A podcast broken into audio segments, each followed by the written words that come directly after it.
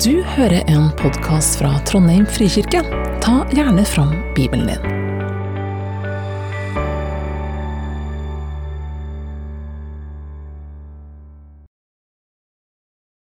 Så bra. Eirik Austeng heter jeg, og jobber til daglig som pastor i Hamar frikirke. Eh, hovedpastor der. Og så leder jeg Frikirkas arbeid med menighetsplanting på hovedkontoret. Og så jobber jeg litt med Frikirkas barn og unge med studentarbeid og voksenarbeid. Så jeg leda støperiet på Hamar i eh, en del år, og så la jeg det ned. Eh, for jeg orka ikke slite meg ut. Eh, så da vet dere det. Eh, jeg skal snakke om eh, Den hellige ånd i dag. Eh, Så de av dere som har en bibel, eh, må ta fram det, eller en bibelapp. For eh, vi skal lese litt etter hvert og se på ting. Men før, eh, mens dere, mens dere finner fram, eh, så kan dere starte med dette. Og det er å snakke med sidemann. Og så skal dere sette ord på, med egne ord, så godt dere kan, hvem hvem eller hva er Den hellige ånd? Slik, og drit i det Hør nå. hør nå. Drit i det riktige svaret. Svar det dere faktisk tror med hode og hjerte. Så ikke gi meg det teologiske eh, fra fjerde århundre-svaret og trosbekjennelsene. Hvis du, hvis du tror det med hodet og hjertet ditt, ok, da skal du få si det. Jeg vil ikke ha det riktige svaret. Jeg vil ha det ærlige svaret. Eh, jeg er nysgjerrig. Og så dere, skal, dere står ikke opp til eksamen nå, så det ærlige svaret er foretrukket. Men jeg vil høre. Hvem er Den hellige ånd? Eller hva er Den hellige ånd? Få høre. Gud. Bra. Men her på jorda? Mhm. Få høre. Han bor i oss som kristne. Mhm. Og kan eh, hjelpe oss med å forstå Bibelen, eller hjelpe oss mot synd, f.eks. Ta synd og frigjøre oss og minne oss på synd. Ja, bra. Ja. Ok, så Gud, men diffus, nær overvåker i oss. Sant? Når man skal snakke om Den hellige ånd, så er det veldig lett for at um, det kan bli veldig teoretisk. Um, jeg har studert på MF, og det var ikke akkurat pinsekarismatisk stemning. Ja, ehm, men men vi, vi tror jo på en treende Gud som kristne. Og at Gud eh, er et treenighetsfellesskap av kjærlighet som er i oss ved Den hellige ånd. Og det må på en eller annen måte bety noe. Og så er jo spørsmålet Hvordan skal vi snakke om det her eh, på under en time uten at det bare blir teoretisk, eller at det ender opp med sjakka sjakka tungetalen? For det, det Vi kan ende der i kveld, hvis Gud vil. Eh, men vi trenger ikke det. Så Men spørsmålet er da Ehm, ok, jeg kom fra Hamar ikke sant, og har studert i Oslo. Og så ser jeg på Trondheim som en overgjennomsnittlig intellektuell by. Og når, når man jobber med hodet Og nå skal jeg generalisere litt. Men når man jobber så mye med hodet som man gjør i Trondheim, så er det en risiko for at man distanserer seg fra sider ved Den hellige ånd, som Bibelen snakker om, og stiller seg kynisk litt i avstand til det. Fordi enten man forstår det ikke, det kan være for diffust, eller det er skummelt. Fordi man ser noen greier på YouTube fra et eh, lettere karismatisk vekkelse på 90-tallet hvor de bjeffa som hunder og rulla på gulvet. Um, eller så overser man det intellektuelle og går veldig dypt inn i erfaringsaspektet. Sant? Og så er kanskje begge deler en grøft.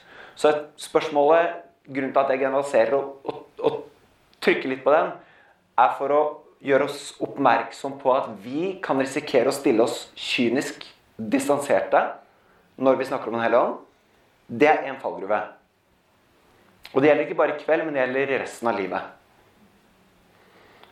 Eller vi kan overse noen av de tingene Bibelen faktisk snakker om, og bare tenke det handler om erfaring, erfaring, erfaring.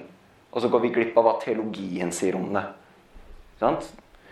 Um, så i tillit til at uh, vi er her, og uh, vi er samla i Jesu navn, så skal jeg be en lettere karismatisk bønn og stole på at Den hellige ånd kan gjøre sitt uten at synden beveger seg i bakgrunnen.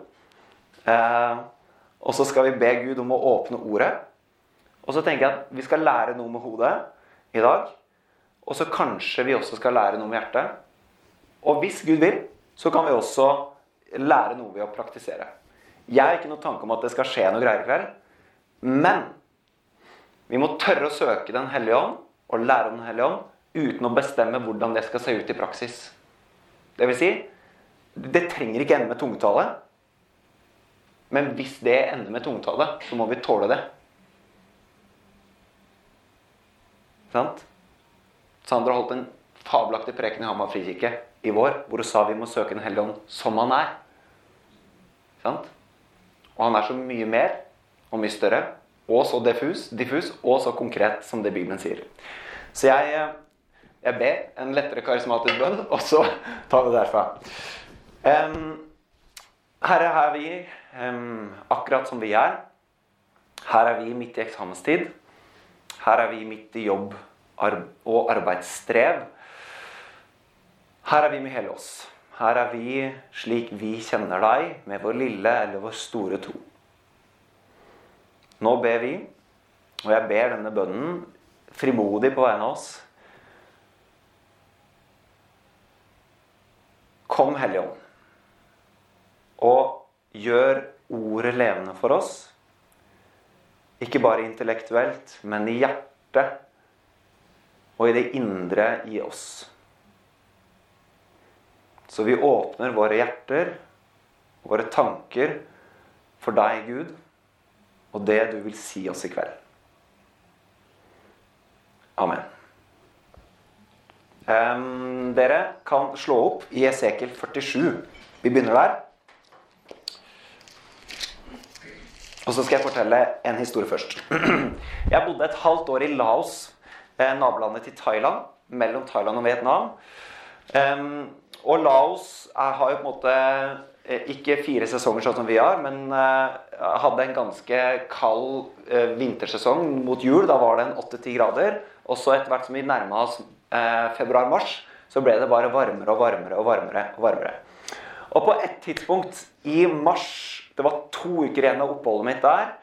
Og jeg hadde bodd i Laos i snart seks måneder. Så kom vi til den varmeste natta og varmeste døgnet jeg hadde vært med på så langt. Og det var rundt 40 grader i skyggen.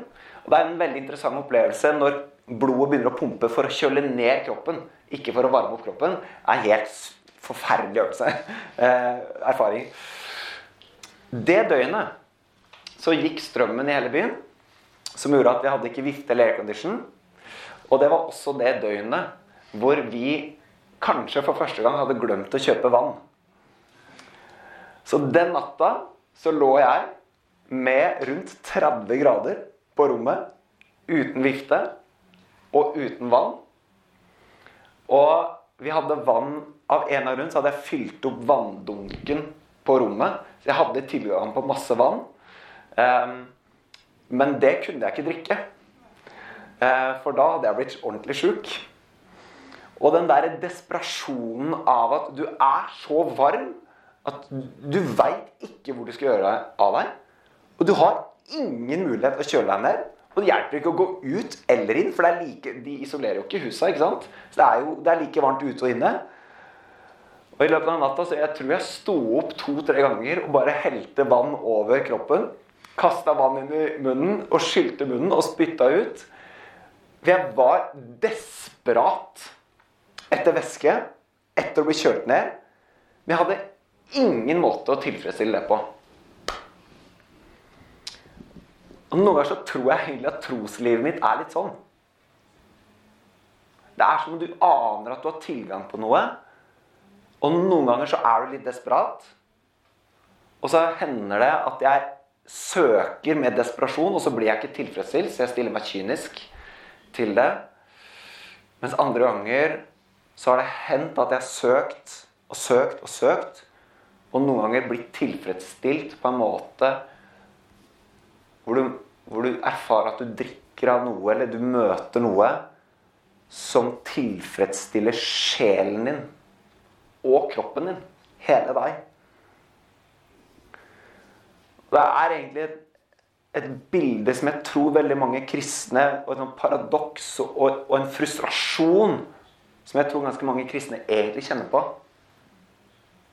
Og så leser jeg Bibelen, og så ser jeg veldig mange erfaringer. Så tenker jeg Det erfarer ikke jeg. Og så blir jeg frustrert, og så blir jeg motivert. Og så, jeg, og så jobber jeg i nærheten av og i en lettere karismatisk menighet. og Kom fra Den norske kirke og kom i møte med en karismatisk kultur med veldig mange ting jeg ikke skjønte. Uh, uh, og, og det, det, har vært, det, har vært, så mye spørsmål og så mye frustrasjoner her. Men spørsmålet jeg kanskje ønsker å innlede med, er vi tørste? Sånn egentlig. Både, ikke bare intellektuelt, men er i kontakt med en, en kanskje sjelens tørst. Og jeg husker når jeg begynte å jobbe i Hamar frikirke, så fikk jeg en ganske ærlig um, erkjennelse av at det er jeg ikke. For jeg kom og var masterstudent i teologi på MF. Og så kom jeg til en ganske gira menighet. Eh, og så var jeg liksom på vei til å bli pastor. Og så satt jeg og leste Filippe-brevet en, en, morgen. Og leste når, Jesus, eller når Paulus skriver om, at, om alt han har fått til som fariseer og som jøde. Så skriver han alt dette regner jeg som skrap, bare jeg kan vinne Kristus. Og eie hans rettferdighet. ikke sant? Jeg bare, Det kan ikke jeg si! Så glad er ikke jeg i Jesus. Og jeg ble sånn herre Men jeg, jeg skal bli pastor. det, det, det går ikke. Og, og, det ble for meg sånn, en intellektuell start og en, en, personlig erkjennelse av at her er det noe for meg som jeg må få tak på. For jeg er glad i Jesus med hodet, men jeg kan ikke si at alt regner jeg som skrap, bare jeg kan vinne Kristus. Så glad er ikke jeg Jesus. Regner du alt som skrap? Bare du kan kjenne Jesus. Det krever mer enn intellektuelt en intellekt. Det krever hjerte.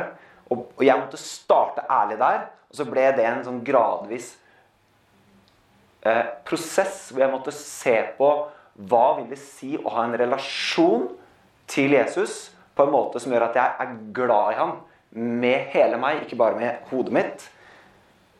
Og når den prosessen starta, så tok det ikke så veldig lang tid før jeg kom til spørsmålet om Den hellige ånd. Du kommer ikke utenom Den hellige ånd når du begynner å stille de relasjonelle spørsmålene. Og de intellektuelle spørsmålene. Og så har det her tatt meg gjennom en egen reise, en prosess. Um, og så har jeg begynt å få se en del ting i Bibelen som jeg ikke har lagt merke til før. Til før og det, er, det skal vi se på nå. Vi starter med å lese i Esekel 47 fra vers 1 til vers 12. Dette, bare litt kontekst. Det som skjer nå, er at profeten Esekiel han er profeten for jødene i eksiltid. Så jødene er bortført fra Israel. De lever i Babylon i eksil. Og alt er alt ødelagt. Tempelet er revet. Stedet hvor Guds nærvær var, er revet. Loven er fjernet. Eh, de har ikke tilgang på den sånn eh, som, som, et liv. altså De har tilgang på det med hodet, fordi de kunne det mest sannsynlig utenat. Eh, hele identiteten deres er ødelagt. Og det, det, de erfarer nå, er et nytt Egypt. Okkupasjon og et slaveri. I eksil. De erfarer Egypt igjen. Og så reiser Gud opp Esekiel som en profet til eh, Israel. Og han får en åpenbaring. Eh, og dette er noe av det vi skal lese nå. Denne åpenbaringen. Profeten skriver fra vers 1. Han, vi veit ikke hvem han er, en mann, førte meg tilbake til tempelinngangen. Og se, vann strømmet ut under terskelen på østsiden av tempelet. for tempelfasaden vender mot øst. Vannet rant ned på høyre side av tempelet, sør for alteret. Han førte meg ut gjennom nordporten, og der ute fulgte han meg rundt til den ytre porten som vender mot øst. Og se, vannet sildret fram på høyre side. Mannen gikk østover med en målesnor i hånden. Han målte opp 1000 den. Så lot han meg gå gjennom vannet. Det nådde meg til anklene. Han målte opp 1000 alen til og lot meg gå gjennom vannet. Det nådde meg til knærne. Så målte han opp ytterligere 1000 og lot meg gå gjennom vannet. Og det nådde meg til hoftene. Igjen målte han opp 1000 alen. Og det var en elv som jeg ikke kunne vade over, for vannet hadde steget til en elv der man måtte svømme. Den lot seg ikke vade. Han sa til meg, 'Ser du mennesket?' Så førte han meg tilbake til elvebredden. Og se, da jeg kom tilbake, var det en mengde trær langs elva på begge sider. Han sa til meg, 'Dette vannet renner til områdene i øst og ned på Arabsletten.' Når det renner ut i sjøen, blir vannet der friskt. Alt levende vesener som det kryr av, Overalt hvor denne elva renner, skal få leve. Der skal, bli, der skal det bli mengder av fisk. For hvor dette vannet kommer, blir alt friskt og levende. Alt som er der elva renner. Det skal stå fiskere fra Engedi til en, egla, en Eglaim. Der skal det være tørkeplass for garn. Det skal finnes fisk av samme slag som i storhavet i store mengder. Men sumpene og myrene skal ikke bli friske. Av dem skal det utvinnes salt. På hver side av elva skal det vokse alle slags trær til å spise av. Løvet på dem skal ikke visne, og frukten skal ikke ta slutt. Hver måned skal de bære ny frukt, for vannet de får, kommer fra helligdommen. Frukten skal tjene til føde, og bladene skal bringe helse. Det er jo eh, når du leser eh, profetier i Bibelen, så brukes det jo et bildespråk som eh, kan være veldig detaljert og litt komplisert. Men nå skal jeg prøve å forklare litt av det her, og så skal vi se på hva det her betyr. Profeten beskriver med dette et tempel som da ikke eksisterte. For tempelet var revet. Ikke sant? Det det betyr, er at profeten mest sannsynlig beskriver eller får en profeti av et nytt tempel som skal skje. Det som skjer, er at vann strømmer fra tempelets indre, altså der Guds nærvær var, i det gamle tempelet, inn i det aller helligste, som vi kalte det. Det betyr at vannet strømmer fra Gud selv, fra hans herlighet, fra hans nærvær. Fra der Gud var, fra Gud, strømmer det vann ut av tempelet. Det som skjer her, sånn for å introdusere det Jeg skal si litt annerledes. Når vi leser Gamletestamentet spesielt, og Nytestamentet, og vi ser at det beskrives trær, elver, frukt, dyr Da er det én ting vi som bibellesere må stoppe opp og tenke, og det er Edens hage. Veldig viktig. Er, du kan nesten, nesten, tenke det hver gang. Ser du noe som har med trær, eller med vann eller, og elver, eller dyr eller frukt, tenk Edens hage. Det er et hovedmotiv som spilles på, så det profeten får et bilde av her, bør gi oss et ekko tilbake til hagen. Ok, tar det med oss videre. Vannet starter som en sildring, og retningen for vannet det er mot øst. Og øst ble nevnt mange ganger. Fire-fem ganger. Og når Bibelen gjentar ting, da prøver forfatteren å si 'viktig'. Ikke sant? Hva betyr øst? Øst kunne bety flere ting i det gamle Israel. Øst var retningen som Gud kom fra han kom med soloppgangen, sa de gamle jødiske filosofene. Øst var retningen som Abraham kom fra. Han kom fra Ur i Kaldea i høst, mot Kanan og Israel. Han gikk i retning vest, fra øst.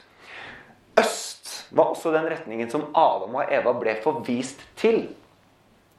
Det vil si at eksil, det første eksilet, Adam og Evas eksil fra hagen, var mot øst. Og igjen så er det et hagemotiv. Øst er et hagemotiv. La meg si litt mer om hagen.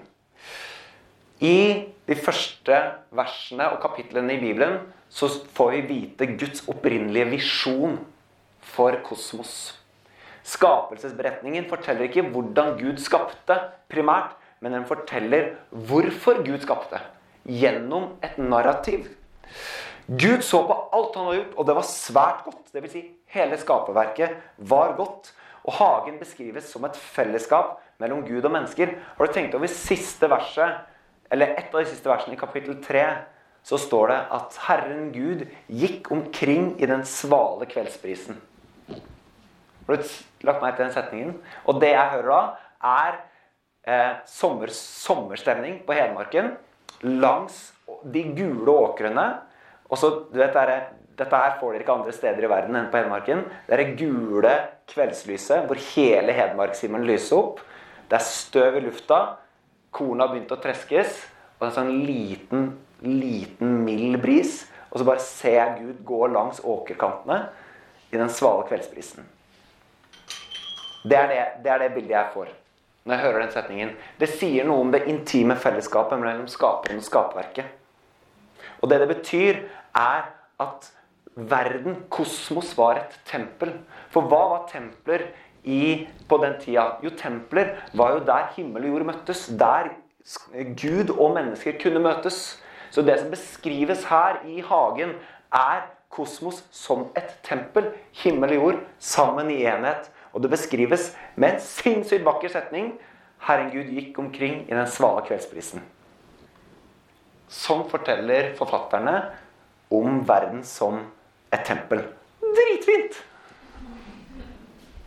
I denne hagen så var Hagen var en fysisk tilstand.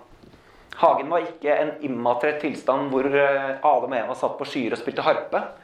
De jobba, de hvilte, de dyrka, de hadde sex, de spiste god mat, de drakk god drikke, mest sannsynlig vin. Bare sånn De var ikke avholds. Det var en fysisk tilværelse som ligner veldig på alt vi har i dag. Bare uten smerte, lidelse og synd. Det var visjonen som ble tegna. Og dette beskrives som en hage. Og navnet Eden betyr glede. Delight. Tilstanden i denne hagen var en tilstand av glede.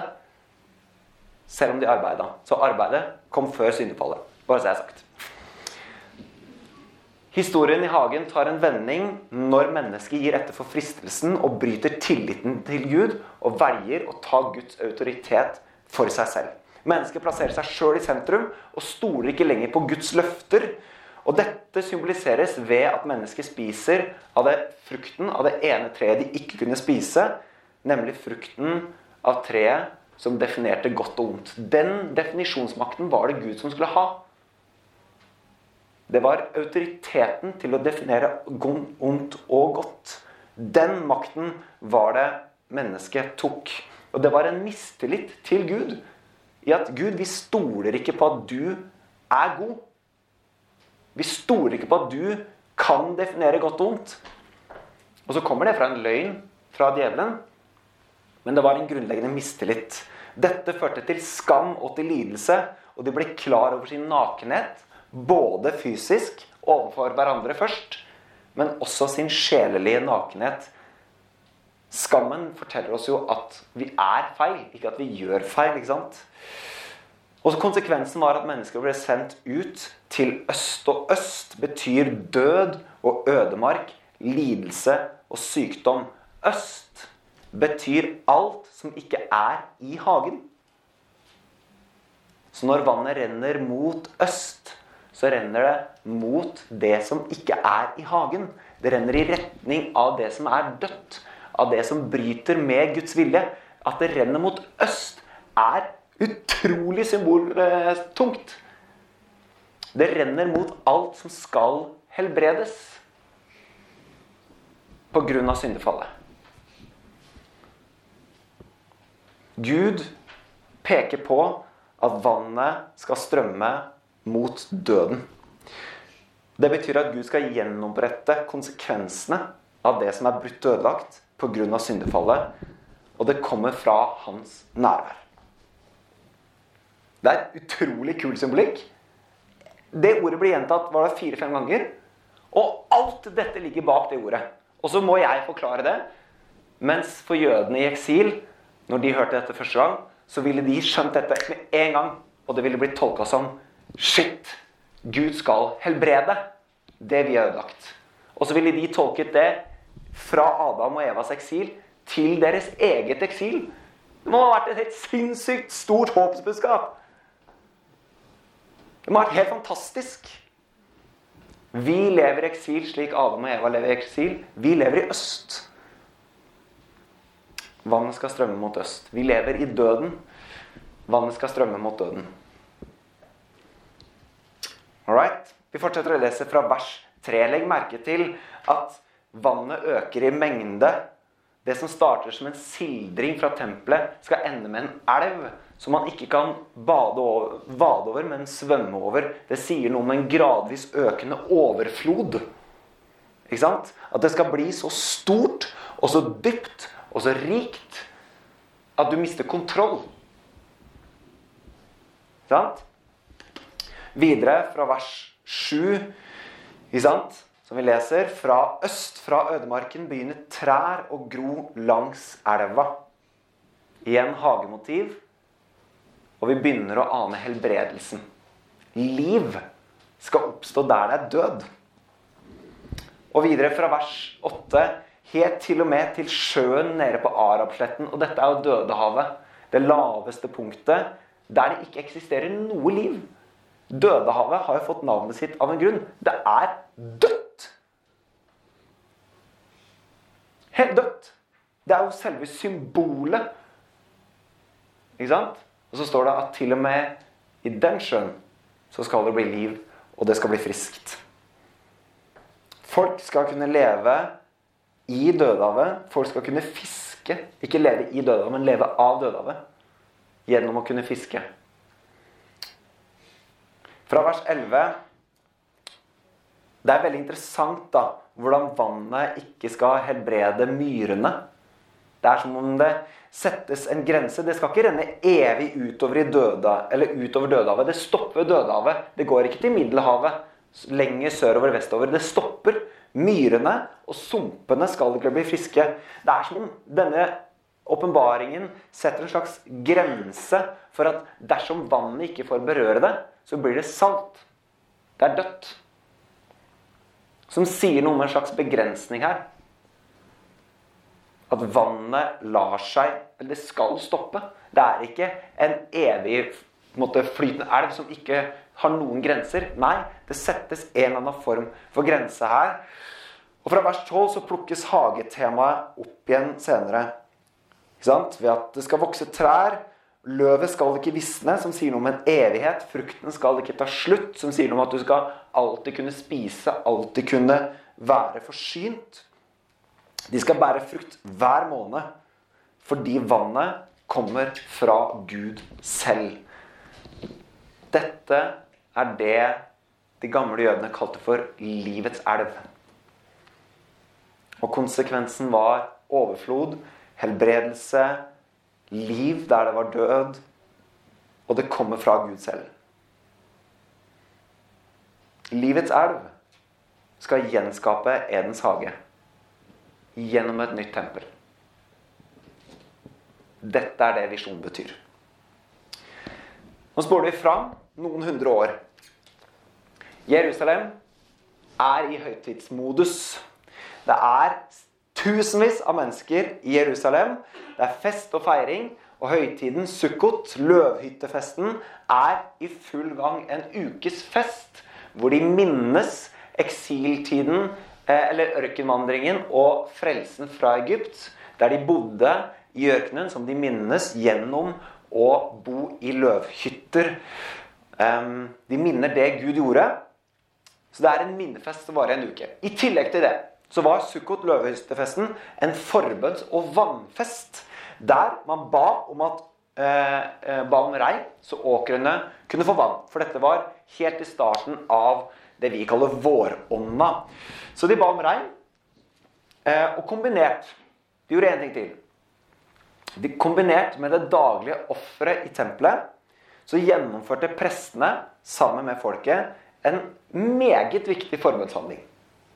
Hver dag så gikk prestene og folket ned til en dam ned i Jerusalem som het Siloa-dammen, der man fylte opp kar eh, og karafler med vann, og så bar man, bar man dette opp til tempelet. Og så helte man ut dette vannet på tempelplassen som en forbønnshandling der man ba om at livets elv skulle komme, tatt fra Esekel 47 og Zakaria 14. Man helte ut vann som en bønn. Gud, send din elv. Og på høytidens sjuende dag så får dette et gigahøydepunkt. Der man bar så mye vann og så mye kar at denne, denne forbundshandlingen ble til en elv som rant fra tempelet, nedover tempeltrappene og ned mot Jerusalem. Man prøvde gjennom en forbundshandling å gjenskape livets elv, og, og gjennom det be Kjære Gud, send din elv. Kom med ditt nærvær. Og nå er vi i Johannes 7. Kan dere bla frem til det? Og jeg leser Johannes 7 fra vers 37 til 39. Hele folket står i tempelet og i trappene opp mot tempelet. Det er fest, de synger salmer, de feirer, de danser, de er trommer. Det er en høytidsdag og en forbønnsdag. De har bedt og bedt og bedt, og nå ser de elva renner nedover trappene. Og så står det på den siste dagen i høytiden, den store festdagen, sto Jesus fram og ropte Den som tørster, skal komme til meg og drikke. Den som tror på meg, fra hans indre skal det renne, som Skriften sier, renne elver av levende vann. Dette sa han om ånden som de som trodde på han, skulle få. Se for dere den sinnssyke stemninga som har vært. Idet hele folket ber gjennom en forbønnshandling. De ser vannet renne, de kjenner tekstene, de veit løftet. Og så midt i det så reiser Jesus seg og sier 'Det er meg!'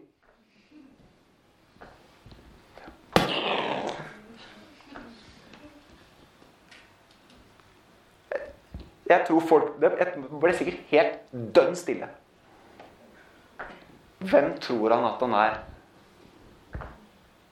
Og så skrives dette 90 år senere, 60 år senere, etter at Jesus levde og døde.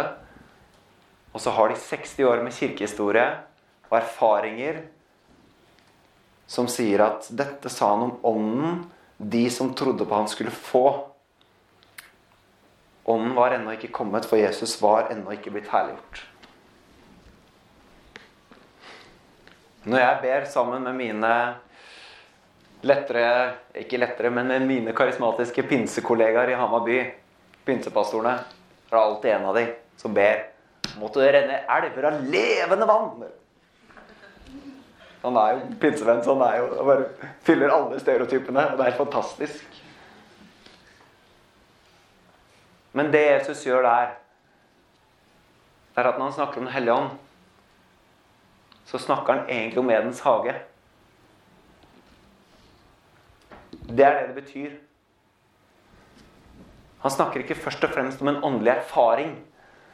Han snakker om en ny virkelighet. Guds opprinnelige visjon i deg.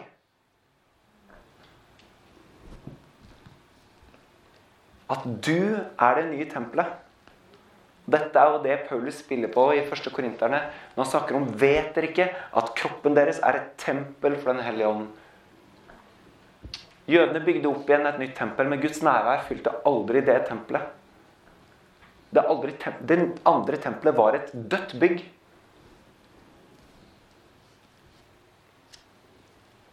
For løftet snakka om noe annet. Er det det du tenker på når du hører Den hellige ånd? Edens hage. Et møte mellom himmel og jord. Herren Gud som gikk omkring i den svale kve- kveldsbrisen. Det er tenk bare den intime relasjonen mellom skaper og skaperverk i deg.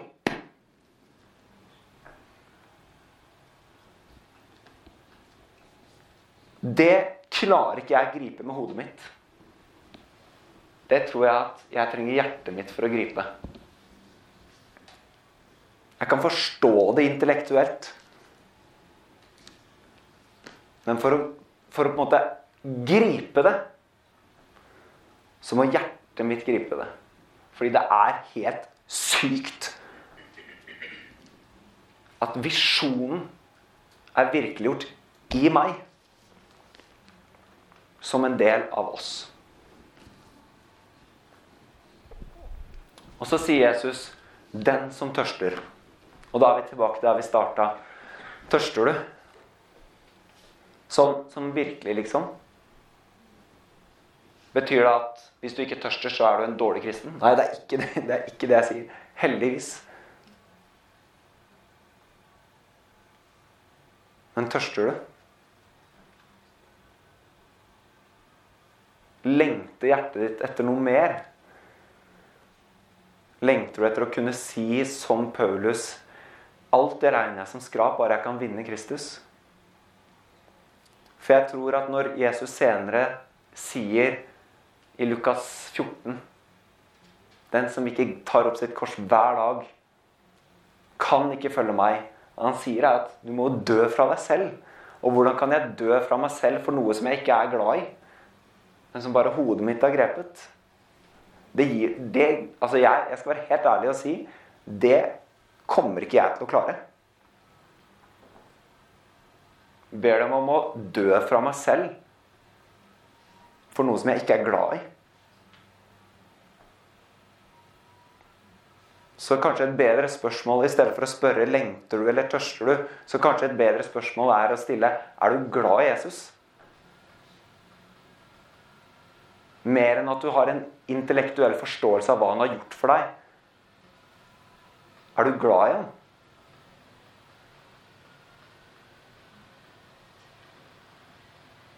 Og heldigvis så Dette er ikke det som diskvalifiserer eller kvalifiserer til frelse. ikke sant? Jeg snakker ikke om frelse nå. Men jeg snakker om relasjon.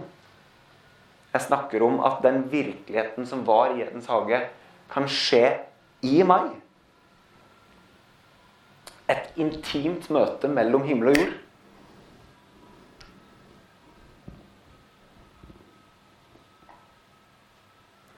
Jeg syns det er attraktivt. Tanken om at Guds opprinnelige visjon, de to første kapitlene, kan virkeliggjøres i meg. Det handler ikke om tungetale. Ikke sant?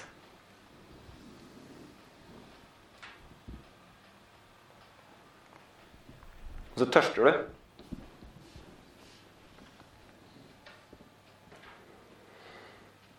Så har Jesus gitt et løfte i det. Hvis du kommer, så skal du få en elv inni deg som gjør at du aldri mer blir tørst. Og det vanskelige med alle løftene i Nytestamentet er at vi kan si ja til det, og så samtidig så ba Jesus oss om å be la ditt rike komme. Så han sa også samtidig dette er et løfte som dere kan stole på, men Guds rike er her ikke helt enda. Så dere kommer til å erfare skuffelser og lengsler også.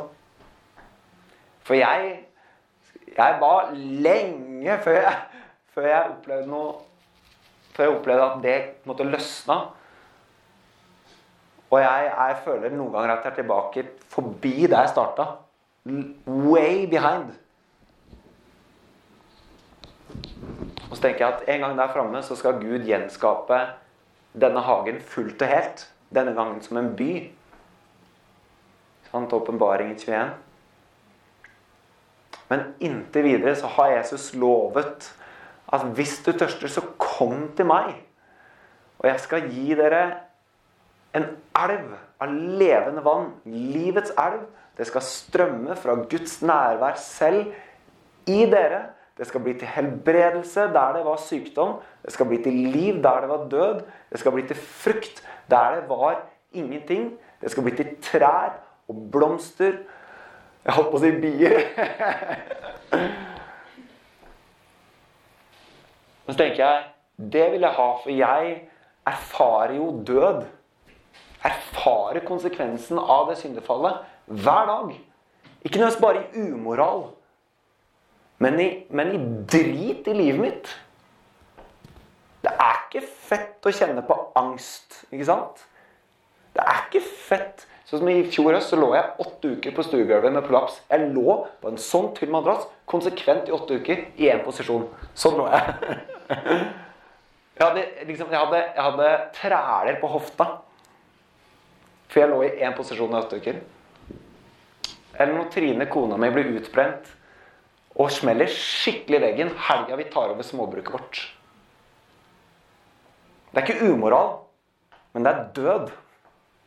Og det er drit. Og ganske ofte så er det umoral òg. Så jeg erfarer daglig konsekvensen av død og synd i mitt eget liv. Og jeg lengter etter å bli helbreda. Ikke nødvendigvis fysisk, men sjelen min.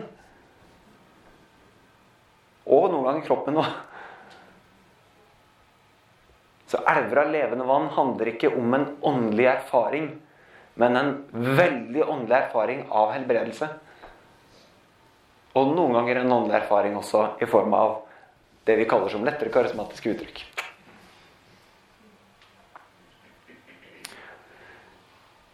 Så kan det være at du sitter her og kjenner på at ja, det er fint. Dette lengter jeg ikke etter. Ikke interessert. Og så kan det være at du kjenner at ja, endelig! Noen som snakker om Den hellige ånd. Um, vi sitter her med så mange forskjellige historier. Men um, kanskje vi skal drikke litt. Um, og så er vi ikke Vi er ikke pinsevenner, så vi setter ikke på synten. I bakgrunnen. Vi er, vi er lutheranere. Det er litt flåsete. Sorry. sorry. Men jeg, bare for å kommentere det, jeg kjenner på en trøst hver gang jeg kan gå til nattverd og stole på at Jesus sa hvis du ikke drikker mitt blod og spiser min kropp, så har du ikke liv i deg. Johannes 6. Rett for dette så peker han fram til nattverdsmåltidet og sier der er det liv. Så nattverden er liv. Gå, gå, vet du hva? Det, gå til gudstjeneste, om så bare for nattverd. Gjør det så, så, ofte du kan. Fordi Jesus har lovet at det er liv i det. Sjøl om du ikke erfarer noe. Gå til nattverd. Det er den lutherske siden av meg. Den pentakostale siden av meg sier men jeg trenger også at min sjel erfarer noe. Jeg trenger helbredelse, jeg trenger liv. Og noen ganger så er det en erfaring, og noen ganger ikke. Men jeg ber nå, og så skal vi la det være helt stille. Og så, hvis du kjenner at det er noe som skjer i deg, så kanskje du skal tørre å la det slippe til. Og hvis du ikke kjenner noen ting, det er helt greit. Men kanskje vi kan drikke av Den hellige ånd. Ok? Så jeg ber en bønn for oss, og så lar vi det være stille.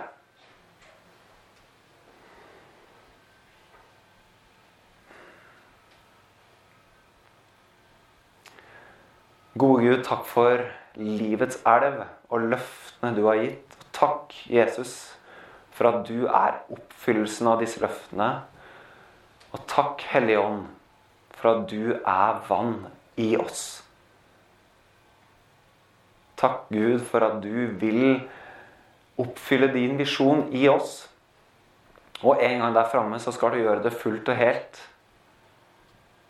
Men nå ber vi, Hellige Ånd, vi ønsker å drikke av deg som livets elv uten å bestemme hvordan det skal se ut. Så nå er vi her med så mange ulike trosspråk og grader av tro. Men nå ber vi fordi du kjenner oss, og i tillit så ber vi Hellige Ånd, livets elv, om at du skal flomme i oss, så vi kan drikke. Det livets elv handler om, er ikke først og fremst en åndelig erfaring som vi har så lett for å tenke på det som. Nå får jeg en opplevelse.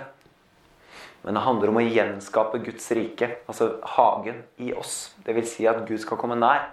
Det er relasjonen. Det å kjenne. Og ut av det kan det springe erfaringer.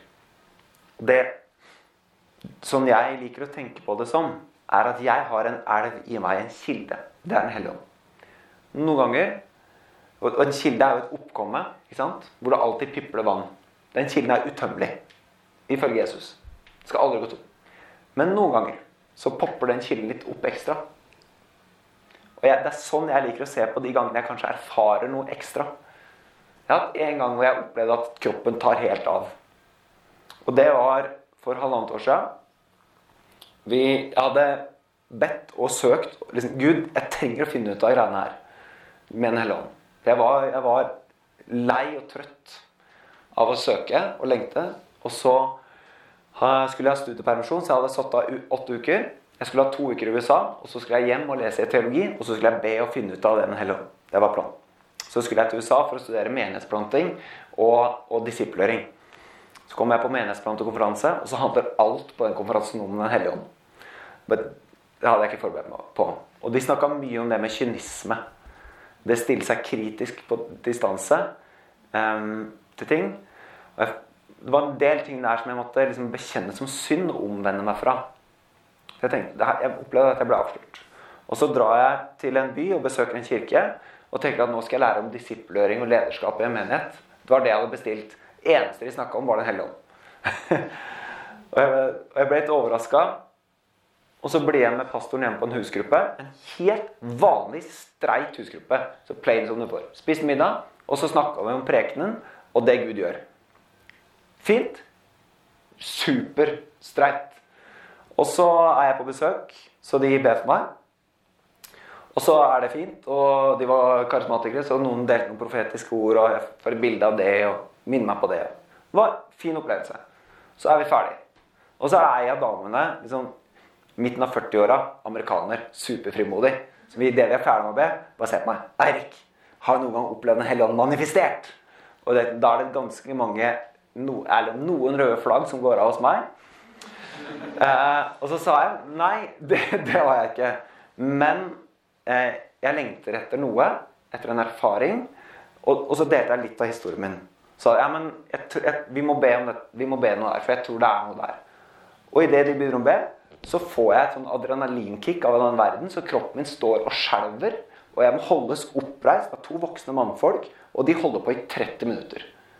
Og jeg griner av en annen verden. Jeg skjønner, jeg skjønner ikke hvorfor jeg grein, men jeg hulka fra det dypeste i meg aldri grene sånn noen gang foran en Jeg har aldri grenet sånn noen gang i det hele tatt.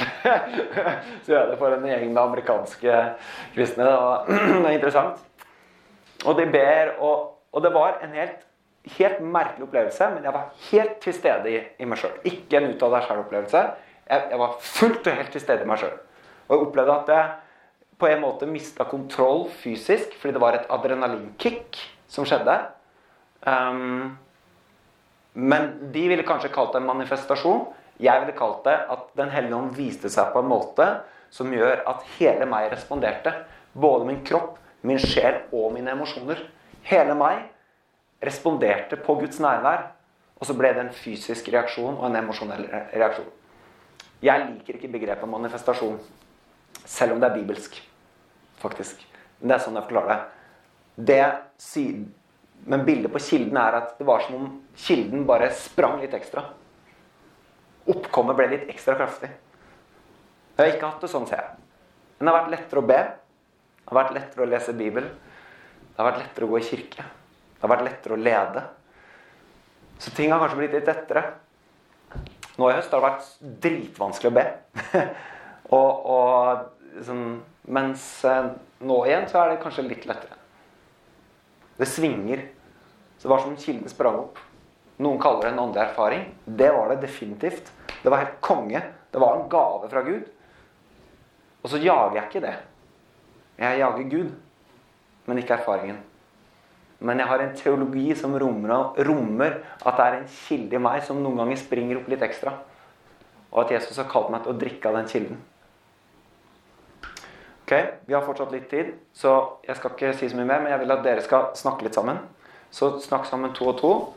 Hva er det dere hører? Um, begynn der. Um, og igjen, drit i det perfekte svaret. Det ærlige svaret. Um, hva er det dere hører? Vi starter. Vær så god. To to. Tre tre. Takk for at du hørte på. Velkommen til gudstjeneste søndager klokka 11. Mer informasjon finner du på trondheim.frikirke.no.